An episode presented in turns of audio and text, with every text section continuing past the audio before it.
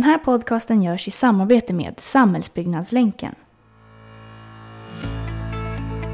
Hej alla samhällsbyggare och välkomna till podcasten som genom intervjuer med branschens ledande personer låter oss inspireras att tänka och agera mer hållbart. Nu snackar vi samhällsbyggnad. Den här veckan gästas vi av en person som enligt mig har ett av det coolaste jobbet när det kommer till hållbarhet. Han är nämligen VD för Miljömärkning Sverige AB och det är ingen mindre än Ragnar Unge som gästar oss idag.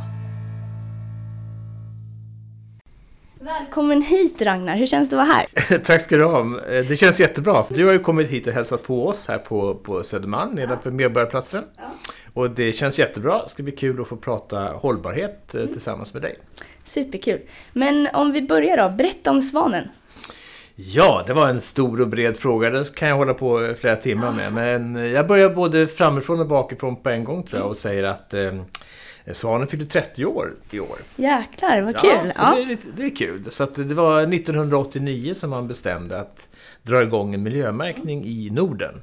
För Svanen är en nordisk miljömärkning. Och anledningen till det var att miljöproblemen hade verkligen kommit upp på agendan. Eh, de, miljöproblemen är inte så himla gamla som man kan tro. Vi har haft industrialism i några hundra år men det är först de senaste 30 och 40 åren som man verkligen inser problemen med vår produktionsapparat och konsumtionsapparat. Mm. Och det var väl på 80-talet som det här började komma upp på ytan att man började inse att produktion och konsumtion inte kanske bara var bra som man hade trott innan. Och då, märkte, då var det också en stor diskussion om att olika produkter hade olika miljöbelastning. Och, det där började, och, och, folk började leta alltså efter mer miljövänliga produkter. Och det där snappar ju tillverkarna snart upp och började göra reklam och kalla saker för miljövänligt och skonsamt och naturligt och allt sånt där. Eh, det mesta var bara bluff. Eh, ibland var det sant, men då var ju produkterna jättedåliga istället, så de fungerar inte. Så då sa man det, nej men vänta här nu, det här behövs någon, någon form av skydd och hjälp för konsumenten att kunna hitta rätt bland, eh, bland alla produkter. Eh, och då sneglade man på Tyskland som hade startat någonting som man kallade för miljömärkning. Och då tänkte de nordiska politikerna på den tiden att då ska vi göra samma sak i Norden. Så då bestämde man att starta Svanen eh, 6 november 1989. Okej, blir det en stor fest här då eller hur ska ni fira det? Ja, vi hade faktiskt en stor fest. Ja. Vi samlade all, all nordisk miljömärkningspersonal på ah, Sandhamn här i ja. augusti. Och eh, firade detta. Gud, vi är ju en 160, 165 personer i Norden som jobbar med Svanen. Och hur går då miljömärkningen till?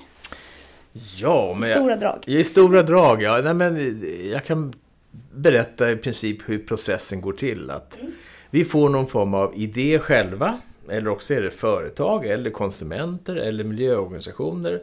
som säger att det är svårt att välja rätt ur miljösynpunkt inom ett visst produktområde. Vi har ju kaffekoppar här, eller du och jag här, så att vi kan säga till exempel att någon säger att jag tycker det är himla svårt att välja rätt kaffekopp när man ska handla ur miljösynpunkt eller ur hållbarhetssynpunkt kan inte Svanen gå dit och markera de som är bäst.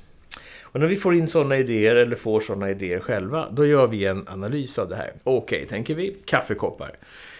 Är det ett mycket miljöproblem runt kaffekoppar? Och så gör vi en analys av det. Och sen så säger vi så här, finns det, finns det någon potential då? Går det att minska den här miljöproblemen? Och är det skillnad mellan olika produkter? Och bryr sig konsumenterna om den här problematiken som finns i, i kaffekoppar. Och finns det företag som vill använda miljö som konkurrensmedel bland kaffekoppstillverkarna? Så vi gör en total analys av det och sen kommer vi fram till då ja eller nej.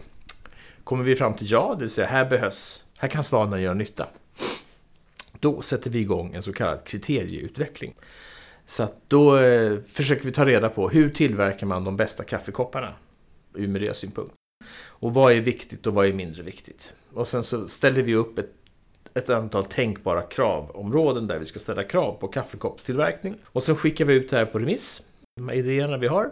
Så får vi en massa svar och sen behandlar vi det här igen. Och till slut så har vi ett förslag färdigt. Det vill säga ett kriteriedokument för kaffekoppar. Det kan vara på 25 sidor någonting. Där det står precis vad man ska klara av och då är alla tänkbara miljöproblem med och alla tänkbara miljöfrågor har hanterats. Kemikalier, energi, utsläpp till vatten, utsläpp till luft och så vidare. Och sen går vi till vår nämnd som vi har. För vi har bjudit in näringsliv, miljöorganisationer, konsumentorganisationer och myndigheter att vara med och bestämma kraven. Så då samlar vi dem här i huset och sen så presenterar vi allt vårt material och så säger vi det här är vårt förslag till krav för att få svanen på tvättmedel. Och så ger de tummen upp eller tummen ner. Och ger de tummen upp då, då jublar vi och då har vi ett kriteriedokument. Och då går vi till producenterna och säger Kära producent, du som tycker att det är viktigt med miljöfrågor och som gärna vill ta hand om dina kunders önskemål att köpa miljöriktigt. Här har du nu chans att få svanen på dina kaffekoppar. Och så går de igenom alla kraven och så bestämmer de sig för att okej, okay, vi ska söka licens hos oss. Så då skickar de in all dokumentation som vi kräver för att visa att de här uppfyller våra krav. Och så går vi igenom dem och vi åker ut till fabriken och vi kollar allting på plats om och om, om igen. Och till slut, är vi, när vi är säkra då på att yes, de klarar alla våra krav. Då får de en licens, det vill säga en rättighet att sätta på svanen på deras kaffekoppar. Kopplat till vad du gör på Svanen, du är ju VD här på Miljömärkning. Hur ser en vanlig arbetsdag ut för dig? Oj, ja, den är väldigt olika. det, kan man lugnt, det kan man lugnt säga. Eh, men jag har jobbat i Svanen väldigt länge. Så jag var med nästan från början. Mm. Så jag var med, jag började 93, precis efter att man hade tagit fram de första kriterierna. Och då fick jag uppdraget att eh, marknadsföra och lansera Svanen här i Sverige.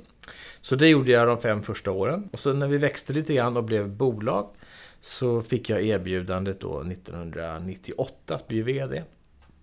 Så det har jag alltså varit nu i, vad blir det, 21, 22 år då. Som jag har du har sett det. mycket. Ja, sett mycket. Men vad gör jag då för någonting? Ja, eh, jag försöker stötta de som är chefer här, mm. som, har, som har personalgrupper. Vi kan säga att vi har ju olika personalkategorier hos oss. Eh, vi har en personalkategori som tar fram kriterier, som, som gör det här som jag berättade först nu om kaffekoppar. Eh, och sen så har vi en personalkategori som tar emot ansökningarna och åker ut och kontrollerar företag. Eh, och sen så har vi en personalgrupp som jobbar med marknadsföring och byggandet utav varumärket Svanen. Och så att människor och företag känner till miljömärkningen, vet hur den fungerar och efterfrågar miljömärkta produkter. Då. Det är deras eh, uppdrag.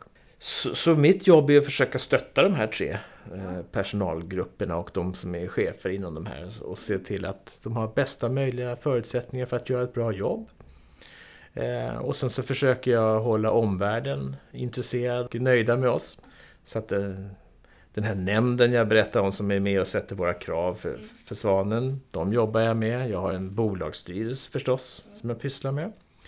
Eh, och sen har jag också ett stort jobb för att, eh, som jag sa inledningsvis, så är ju Svanen en nordisk miljömärkning. Det vill säga vi har systerorganisationer i de andra länderna. Och eh, tillsammans med dem har vi bildat en förening som vi försöker hålla ihop Svanen genom. Så föreningen Nordisk miljömärkning. Eh, och den är jag ordförande för, så det går åt ganska mycket tid till att försöka få en god samordning av miljömärkningsarbetet i Norden. Det förstår jag. Vad pluggade du för någonting? Ja, men jag kom in... Om du pluggade? Ja, absolut. Jag har pluggat lite grann, men inte, ja. inte fruktansvärt mycket. Jag, och jag kom in lite grann på ett bananskal. Men det är ofta så det blir i, i livet. Det är inte alltid som det går som man tänkt. Eh, utan jag är lärare från början. Okej. Okay. Ja, så att jag har pluggat på lärarhögskolan på universitetet i Linköping. Jäklar. Och där var jag i fyra år. Eh, och sen så flyttade jag ner till Göteborg och jobbade som lärare i, eh, på högstadiet och mellanstadiet. Mest i matematik, naturämnen och historia. Eh, och det höll jag på med i tio år. Och sen började jag tycka det att det var lite kul med försäljning och marknadsföring och så tröttnade jag lite grann på läraryrket. Jag tänkte fasiken, jag måste göra någonting nytt. Eh, och då träffade jag på några chalmerister som läste som, som motsvarigheten till KTH här i Stockholm, i Göteborg. Som hade uppfunnit en hopfällbar cykel. Och den skulle säljas och marknadsföras. Och den cykeln var tänkt att hjälpa storstadsbor att ta sig fram tillsammans med kollektivtrafik. Så att man alltså okay. kunde ha med sig sin cykel på bussar och tunnelbanor. Lite grann som de här el... Oh. vad heter de? Spark, Ja, els- Voi, sparkcyklar. Ja, sparkcyklar, det är inte sparkcyklar egentligen. Vad Någon kallas de? El... eh, Elsparkcyklar. Ja, vi, vi vet vad vi menar. Ja, det tror lyssnarna förstår också. Ja, jag tror det. Så att, lite samma idé. Ja. Att kunna åka mellan tunnelbanan och jobbet och hemmet ner till tunnelbanan och lite sånt där. Eh, fast man hade med sig sin cykel då på, på tunnelbanan var tanken. En liten snabbt hopförbar cykel. På ett par sekunder så var den, kunde man ta med sig den. Och det där gjorde att jag kom in lite grann i miljötänket. Och det här var ju en storstads... Eller en lösning, en delvis en lösning då. Där man kunde bidra till hur man skulle minska bilismen i storstäderna och så vidare. Så att när jag flyttade upp till Stockholm för att jobba med de här cyklarna så kom jag mer och mer in i miljödiskussion och träffade organisationer och andra som jobbade för en ökad hållbarhet i stadsmiljö och Och då när jag hade jobbat med det i fyra år så fick jag plötsligt se en annons där det stod att de sökte en person som skulle lansera en miljömärkning i Sverige. Så jag tänkte, det låter ju spännande. Så sökte jag det och råkade få det. Och på den vägen är det. Gud vad kul. Om du ser tillbaka på din karriär, då även från när du var lärare eller vad som helst, har du något extra starkt minne som du liksom aldrig kommer glömma? Nej, men jag, jag tar ett personligt minne tror Ja. jag, när du ändå Ja. frågar. Eh, min uppgift var ju som sagt att, att driva igenom, eller få, få miljömärkningen känd och få ett engagemang runt miljömärkningen. Och eh, när min äldsta kille då började skolan, det gjorde han alltså 1996 eller något. Eh, Så var jag med på honom i upp- uppropet och de hade satt sig på bänkarna och eh, deras lärare hade lagt fram lite böcker till var och en utav eleverna. Och överst så låg det en skrivbok på allas platser.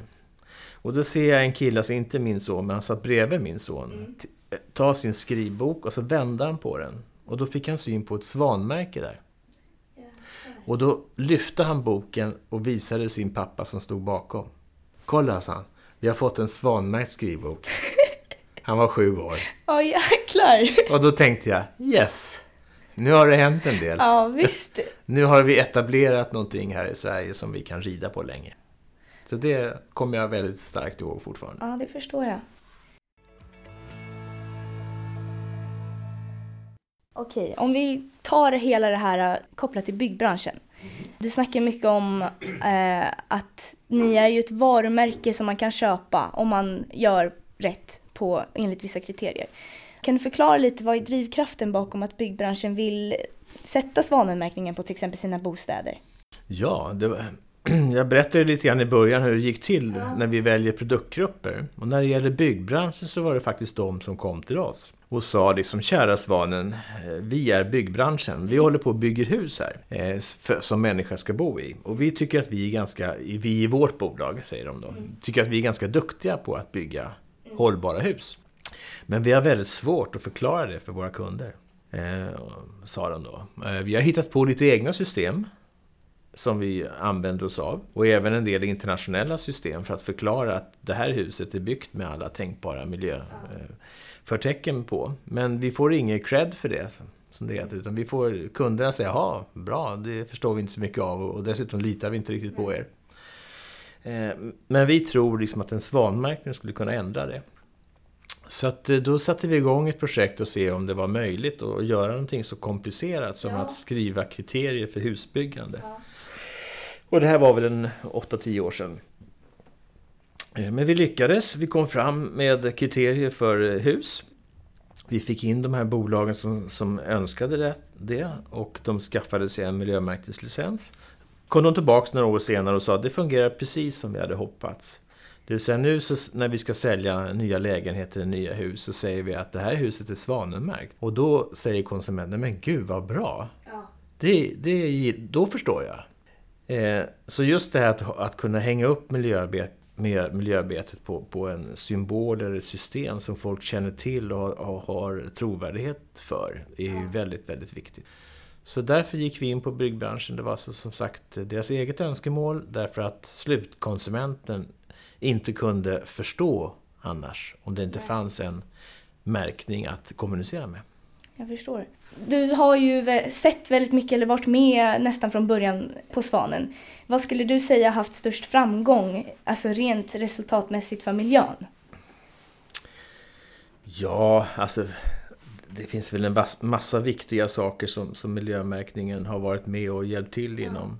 Eh, Ett av de stora problemen vi hade innan miljömärkning kom, kom till, det var ju utsläppen från pappersmassafabriker. Som, eh, ja, det utsläpp både till, till luft och vatten och som också var stora energislukare. Eh, Och Sveriges miljöproblem, eller Sveriges uppvaknande runt miljöfrågan startade runt med pappersutsläppen eftersom vi är ett stort papperstillverkande land. Eh, Och så att där var ju vi tidigt ute och ställde krav på, på, på papperstillverkning. Och våra svenska och nordiska pappersbolag de var ganska snabba på att hugga på det här och eh, förbättrade sitt miljöarbete radikalt för att klara svanen. Och med, med vår märkning då så gick man ut i världen och, och konkurrerade. Så att pappersinköpare över hela världen visste vad svanen var för någonting. Eh, och på så sätt tror jag vi lyfte hela den svenska och nordiska pappersindustrin. Och när väl de började konkurrera med miljöfrågor så var också övriga, övriga världen tvungna att skärpa sig för att kunna kunna argumentera mot de svenska bolagen. Så på så sätt är jag säker på att vi fick igång en, en god spiral inom hela den industrin. Så det var ju väldigt viktigt. Så det var, det var ett, ett fint område där Svanen har, har hjälpt till inom. Sen ett annat stor milstolpe var när vi gick över på tjänster också och inte bara varor. Så att vi började miljö... Ja, du nämnde ju själv bostadsbyggande, det är ju en slags tjänst. Men vi gick in på rena tjänsteproduktgrupper också som hotell och städtjänster och tvätterier och så vidare. Eh, och det tror jag också eh, var ett väldigt viktigt steg. Eh, inte minst för att det engagerar så mycket människor. I tjänstesektorn så är det så många som jobbar. Det är, jag vet inte hur många som jobbar på hotell, men det är ju tiotusentals människor som nu jobbar utefter Svanens krav. Och som vet precis hur man ska jobba med ett hotell för att göra det så miljövänligt som möjligt. Eh, och då får vi engagemang inte bara liksom hos produkten hotell utan också bland 10, 20, 30 tusen medarbetare som kan det här. Precis. Och likadant på städbolag och tvätterier och tryckerier. Och... Vi har ju tagit upp vad, vad som har haft mest framgång. Är det någonting som du vet nu att det här kommer kunna utvecklas framåt i tiden? Ja, vi tror bara att vi har sett början på byggandet. För även om, om vi har många stora byggbolag med så är vi bara några procent utav de nybyggda husen som har klarat våra krav. Eh, och vi känner att det, att det växer. Jag tror att det blir en boom här de närmaste åren inom byggbranschen på att bygga ännu mer hållbart och ännu mer miljömärkt. Eh, Sen har vi några nya spännande produktgrupper som vi har gått in på. Det, bland det senaste vi gjorde är på finansiella tjänster. Så nu ställer vi krav, det första vi gjorde var att ställa krav på fondförvaltning. Idag kan man välja svanmärkta fonder också. Ja, exakt. Så det hoppas vi på att, eh, att vi ska få den finansiella sektorn med på hållbarhetståget också.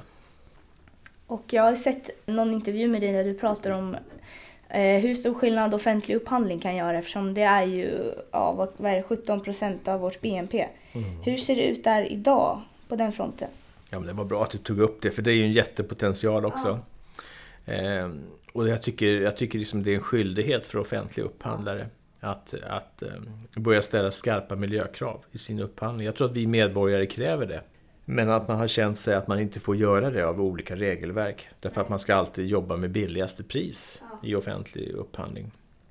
Men jag tror att man har missuppfattat det lite grann för att eh, medborgarna och EU och allt som sätter upp de här reglerna, de, de vill ju att vi ska ha bästa möjliga upphandling ur ett helhetsperspektiv förstås. Eh, och med sin stora inköpskraft så kan ju de verkligen förändra produktionsmönster och gynna de företag som verkligen kan producera så hållbart som möjligt. Så att absolut så, så hoppas vi att eh, den offentliga sektorn ska förtydliga sina krav. Ja, för idag känns det som att det är mest råd Mm, och riktlinjer. Ja, och nu hoppas vi att de ska slå näven i bordet. Ja, Och då är det lite kul, för i sammanhanget eh, kan jag då berätta att om några timmar så kommer civilministern hit till oj oss. jäklar vad Ja. kul!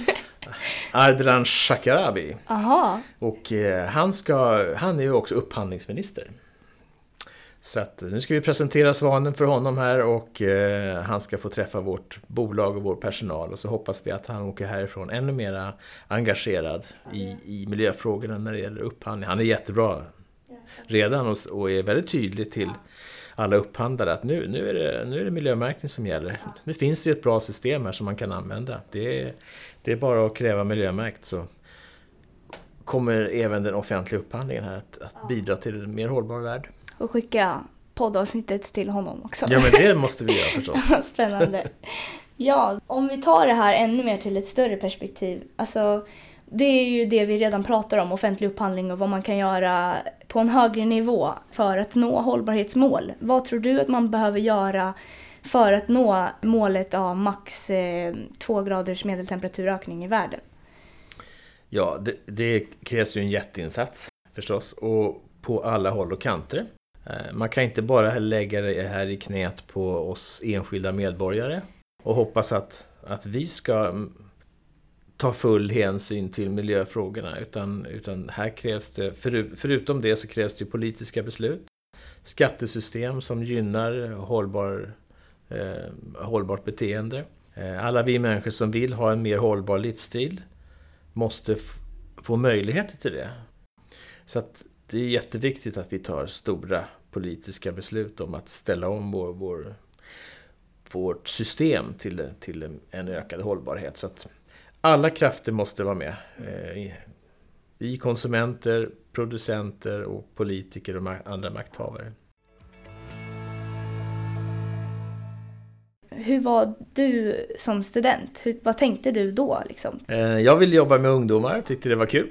Eh, och därför var, gick jag in på, på lärarlinjen. Då, så att vad som skulle hända sen, det hade jag ingen aning om att det skulle utvecklas hit. Nej, men det är ju sjukt inspirerande att Eh, man får också se exempel på att man jobbar verkligen inte alltid med det man, exakt det man har pluggat. Nej. För att eh, vi har ju eh, sådana här inriktningsval i årskurs tre. Det har många, tror jag, civilingenjörsprogram. Ja. Där man tänker att det är eh, ja, ett stort beslut man ska ta. Men sen blir det ju ändå kanske inte riktigt så att man jobbar med det som man, den inriktningen man valde. Nej, om ni tittar på många företagsledare idag så har de ju massor ja. olika utbildningar och olika erfarenhet bakåt i tiden. Så det är bara att plugga på för det är jättebra med baskunskap. Och sen är det ju väldigt viktigt att vara öppen, att se omvärlden och reagera på den och ta alla chanser som dyker upp. Och våga hoppa från olika arbetsuppgifter eller projekt. För då utvecklar man sig själv som, som person också väldigt mycket.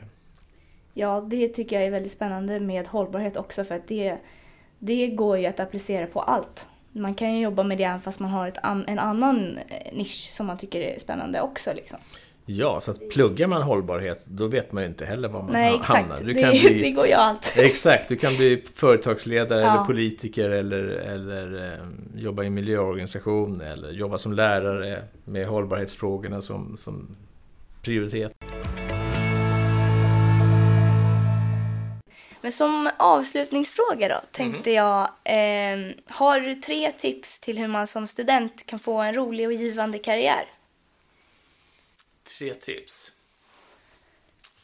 Nu måste jag tänka. Ja. eh, ja, nej, men mitt första tips var är nog det som jag var inne på lite grann där att studera någonting som du tycker är kul och som engagerar dig.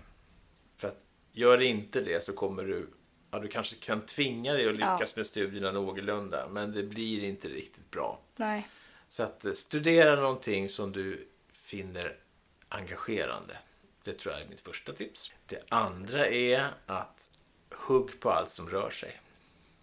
Det vill säga, var öppen för idéer och ja. möjligheter mm. under din studietid, men framförallt kanske efter studietiden. Ja. Eh, se, an, ser du chansen att få bli projektledare någonstans eller ta hand om ett ansvarsområde eller eh, få, ta, få ta ansvar för något, eh, någonting som ska genomföras, företag eller så vidare, så, så försök att komma åt det. För genom ansvar så, så utvecklar man sig tror jag. Se till att du tar på dig ansvar i olika eh, projekt ja. eller ställningar eller tjänster. Så, för det tror jag är jätteviktigt. Ja. Så det var, det var så engagerande studier och ta på hugg, hugg där chansen Ja. kommer. Och sen ska jag hitta på en tredje sak också. Eh, gör mycket olika. Byt jobb eller byt intresseområden eller byt karriär. Eller plugga någonting annat. Så att du får ett annat perspektiv på, på tillvaron. Så att du inte blir så smal utan att du kan se problemen lite grann ovanifrån. Där du ser helheten bättre. Så att du kan eller har insikt i andra problem än vad just din utbildning har gett dig. Så att, läser du nu till ingenjör, ja men kanske läs konst ett halvår också. Ja. Och, eller, och juridik ett halvår. Så kan du, när du sen är färdigutbildad ingenjör, också ha förståelse för kulturen och behovet som finns där. Ha förståelse för lagar och regler eftersom du har en liten ju- juridikkompetens också.